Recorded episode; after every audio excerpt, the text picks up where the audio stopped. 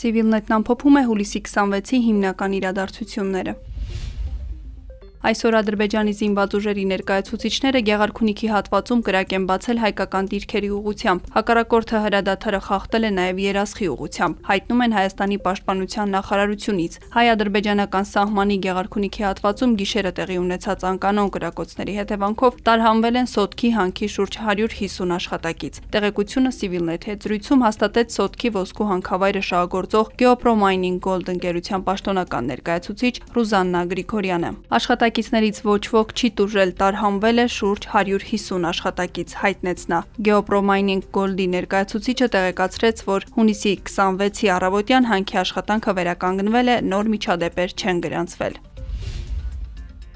Արցախի պետական նախարար Արտակ Բեգլարյանը գրառում է կատարել Facebook-ի իր էջում, որով պատասխանում է Ադրբեջանի նախագահ Իլհամ Ալիևի հայտարարություններին։ Գրառման մեջ մասնավորապես ասվում է. Ակնհայտ է, որ Իլհամ Ալիևն իր վերջին հարցազրույցով նպատակ ուներ հերթական անգամ մոլորության մեջ պահելու իր հասարակությանն ու միջազգային լսարանին եւ կերակրելու ստերով Արցախի վերաբերյալ։ Արցախի կարգավիճակի մասին նրա պնդումները պարզապես ինքնախապեյության եւ ստախոսության դրսեւորումներ են, քանի որ անկախ արկա կորուստներից ու դժվարություններից Արցախի հանրապետությունը գործում է լիարժեքորեն, ինչպես գործում էր նախապատերազմյան ժամանակահատվածում։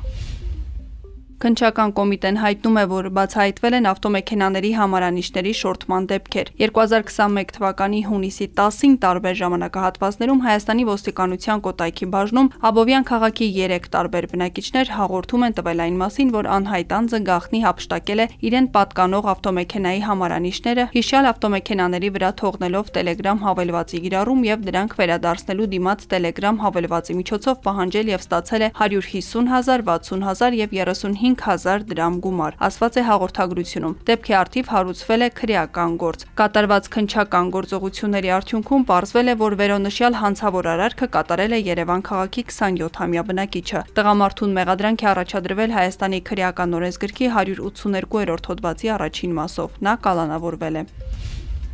Երիտասարդ ընտանիքին մաչելի բնակարան պետական նպատակային ծրագրին տրամադրվող գումարը շարունակաբար աճելու է։ Այս մասին հայտնում է Կրթության, գիտության, մշակույթի եւ սպորտի նախարարությունը։ Այս տարվա համար նախատեսված է 1 միլիարդ 300 միլիոն դրամ։ 2022 թվականին կհատկացվի 1 միլիարդ 737 միլիոն 500 հազար դրամ։ 2023-ին 2 միլիարդ 78 միլիոն դրամ, իսկ 24-ին 2 միլիարդ 425 միլիոն 200 հազար դրամ, ասել է նախարարության երիտասարդական քաղաք քաղաքականության լրացուցիչ եւ շարունակական կրթության վարչության պետ Գոհար Մամիկոնյանը։ Նրա տեղեկացմամբ հատկապես 2018-ից 2019 թվականներին ծրագրին դիմողների թիվը զգալիորեն աճել է, ինչի նպաստող հանգամանքներից են եղել այն տարիներին ծրագրի կարգում կատարված փոփոխություններն ու լրացումները։